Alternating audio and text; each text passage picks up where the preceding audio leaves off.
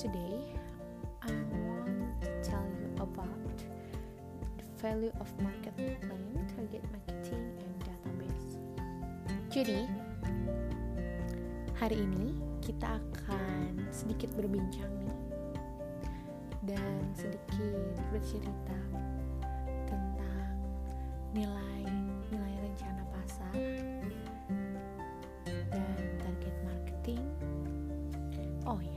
juga nggak lupa bakal ngomongin tentang identifikasi kompetensi perdagangan atau identify the market competition.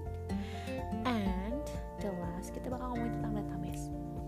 Jadi, buat kalian yang lagi bikin bisnis atau yang sedang membuat suatu bisnis dan sedang merintis bisnis yang di bawah dan ingin cepat atau ingin berusaha untuk stabil cepat mencapai hasil atau kesuksesan. Ternyata di sini ada beberapa analisis.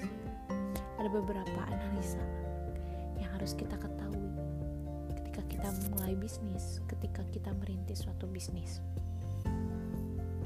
Nah, yang pertama, aku di sini bakal ngomongin tentang the value of market plan atau nilai rencana pasar. Nah, katanya kalau Anda memiliki bisnis yang sangat sederhana, yang sangat sederhana dan yang sudah tumbuh dan berkembang pesat, maka mungkin Anda tidak perlu memerlukan rencana pasar ini.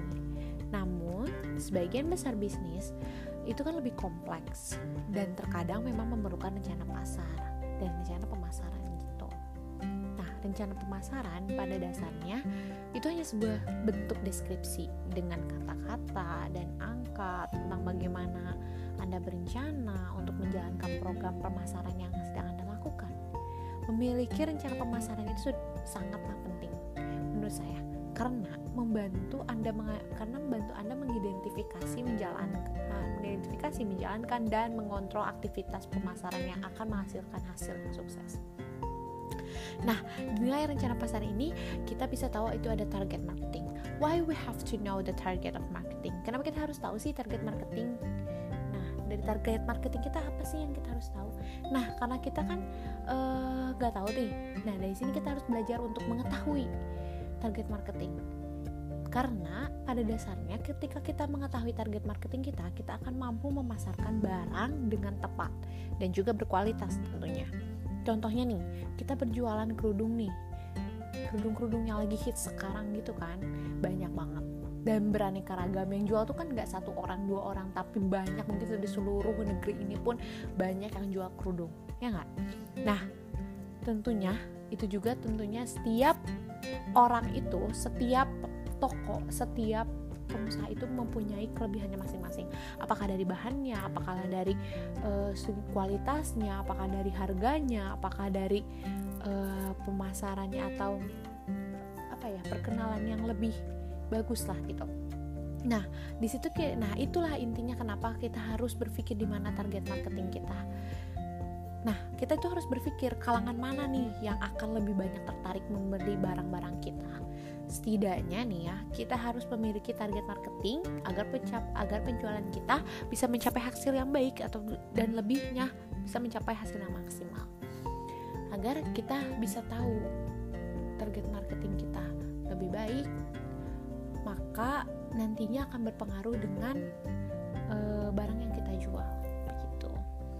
Nah, dari situ ada hubungannya dengan identify the market competition atau identifikasi kompetisi perdagangan. Nah, yang saya bilangin tadi, kalau yang menjualan itu nggak seorang, nggak dua orang, tapi mungkin pengusaha seluruh negeri ini bahkan mungkin banyak perusahaan-perusahaan yang terkenal yang sudah lebih maju duluan. Nah, persaingan itu kan pasti ada tuh atau kompetensi atau kompetensi lah ya kompetisi adalah e, bersaingnya para penjual yang sama-sama berusaha mendapatkan keuntungan keuntungan pangsa pasar dan jumlah penjualan yang lainnya. Para penjual tuh biasanya berusaha mengungguli persaingan dengan membedakan harga, produk, distribusi, dan promosi. Nah, ada salah seorang menurut ahli Jerman nih katanya bilang kayak gini. E, ini kata Friedrich Naumann Stephen Stephen Dr. Rainer Adam, salah satu ahli ekonomi uh, Jerman.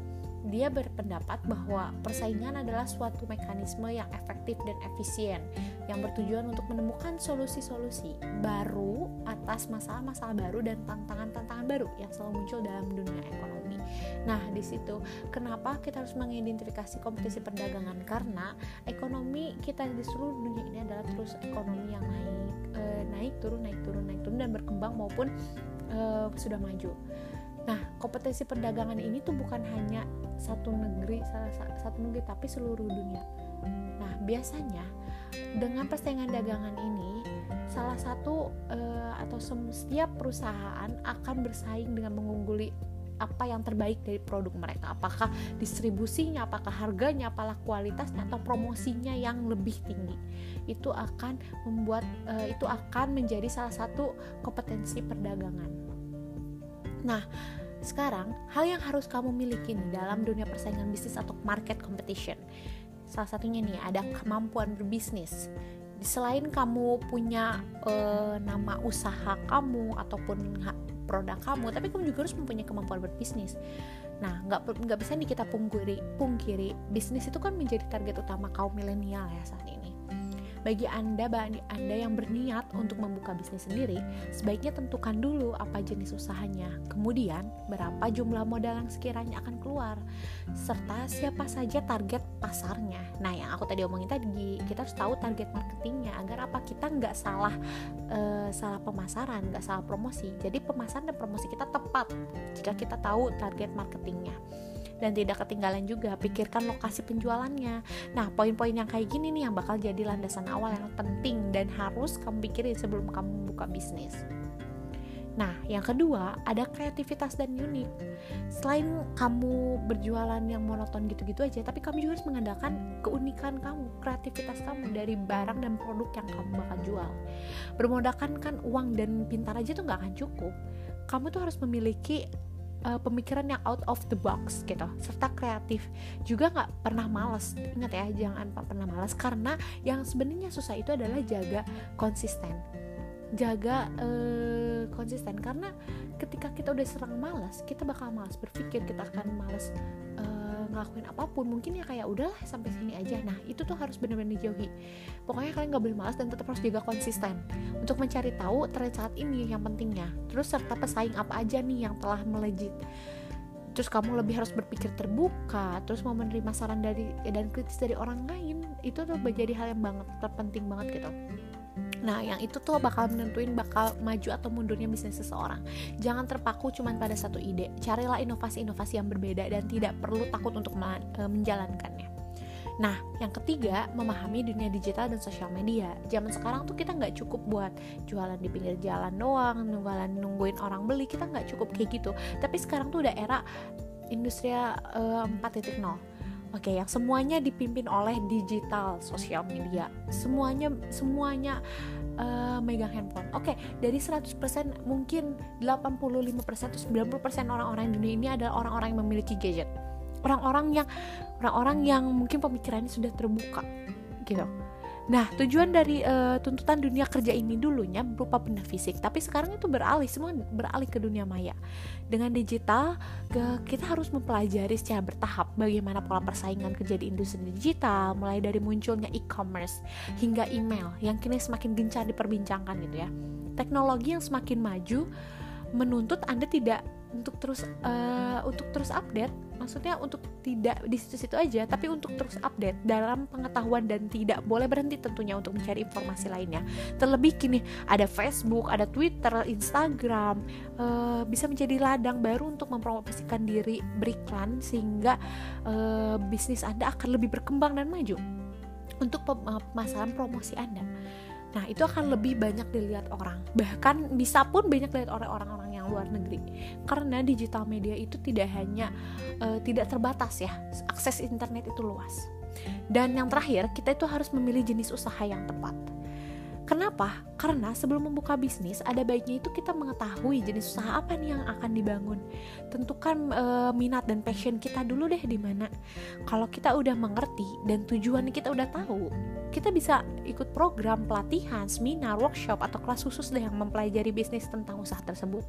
Semua strategi penjualan dan segala hal yang Anda pelajari dari situ itu menjadi bekal saat Anda membuka suatu usaha, khususnya produk lokal nih.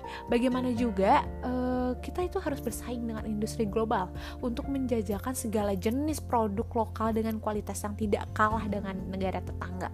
Apa pun itu, mau dari segi makanan, produk, apakah e, kebutuhan sehari-hari, kita tuh nggak boleh kalah dari uh, apa ya orang-orang luar kita tuh harus memasarkan produk kita dengan baik makanya di situ pentingnya target uh, target marketing promosi dan digital media sosial media sedang lagi ramai-ramainya netizen atau apa pun yang perbincangkan di zaman sekarang nah dari situ awalnya kita bisa mengetahui dengan database Nah, database itu dalam dunia market biasanya data yang dimiliki oleh penjual. Contoh nih, ketika uh, nomor telepon, database itu biasanya nomor telepon, banyaknya nomor telepon. Karena uh, jika kamu sebuah, jika kamu nih seorang penjual yang hanya uh, pertama nih kamu akan melakukan pasti akan pemasaran kan. Setelah kamu gitu kamu akan pemasaran dan promosi menawarkan kepada orang-orang yang kamu kenal melalui telepon. Yang notabene sekarang kita semua sudah menggunakan sosial media. Contohnya WhatsApp. Ya kan? Itu kan tinggal di uh, save nomor doang pakai nomor kontak tuh. Nah dari nomor kontak itu kita kan bisa uh, bisa minta tolong save back ya atau gimana. Nanti kan kita bisa pasang-pasang uh, status sekarang ada pasang-pasang status WhatsApp gitu. Status itu bukan di Instagram dan status WhatsApp ada kan. Kita bisa pasang-pasang ketika kita save back nomor mereka mereka save back nomor kita dengan secara tidak langsung. Ketika kita pasang status itu akan terlihat oleh mereka. Dan mereka akan mengetahui oh oh dia jualan ini oh dia ini oh ini. Jadi kita bisa memasarkan produk-produk kita di status WhatsApp atau di status Instagram. Di Instagram yang notabene sekarang semua sudah punya banyak uh, akun media sosial Instagram paling terkenal kita akan lebih mudah memasarkan pemasaran produk kita di situ. Ya kan? Nah di situlah kita penting-pentingnya harus uh, mengetahui rencana apa aja yang rencana apa saja yang mungkin bakal kita mulai sebelum mulai usaha pemikiran kita gitu uh, mulai sebuah usaha itu tidak mudah dan tidak sulit. Mudah ketika kita sudah menemukan potensi minat kita dan uh, ide kita di mana itu bakal lebih mudah menjalaninya. Yang sulit itu adalah menjaga konsisten, menjaga konsisten, menjaga kepercayaan diri kita, menjaga uh, menjaga niat kita untuk terus tetap maju. Itu yang paling konsisten. Karena setelah kita mulai usaha itu banyak banyak sekali eh, problem-problem uh, yang mungkin bakal menyerang kita ya. Problem-problem yang bakal ada ketika kita mulai usaha dan kita terus konsisten. Itulah. Memulai usaha itu tidak mudah dan tidak sulit tapi semuanya akan mudah ketika kita jalani, ketika kita coba, ketika kita gagal dan berusaha lagi, ketika kita jatuh dan mau berdiri lagi. Oke, segitu aja untuk hari ini dan terima kasih sudah mendengarkan podcast saya. Semoga podcast saya bermanfaat. Assalamualaikum warahmatullahi wabarakatuh.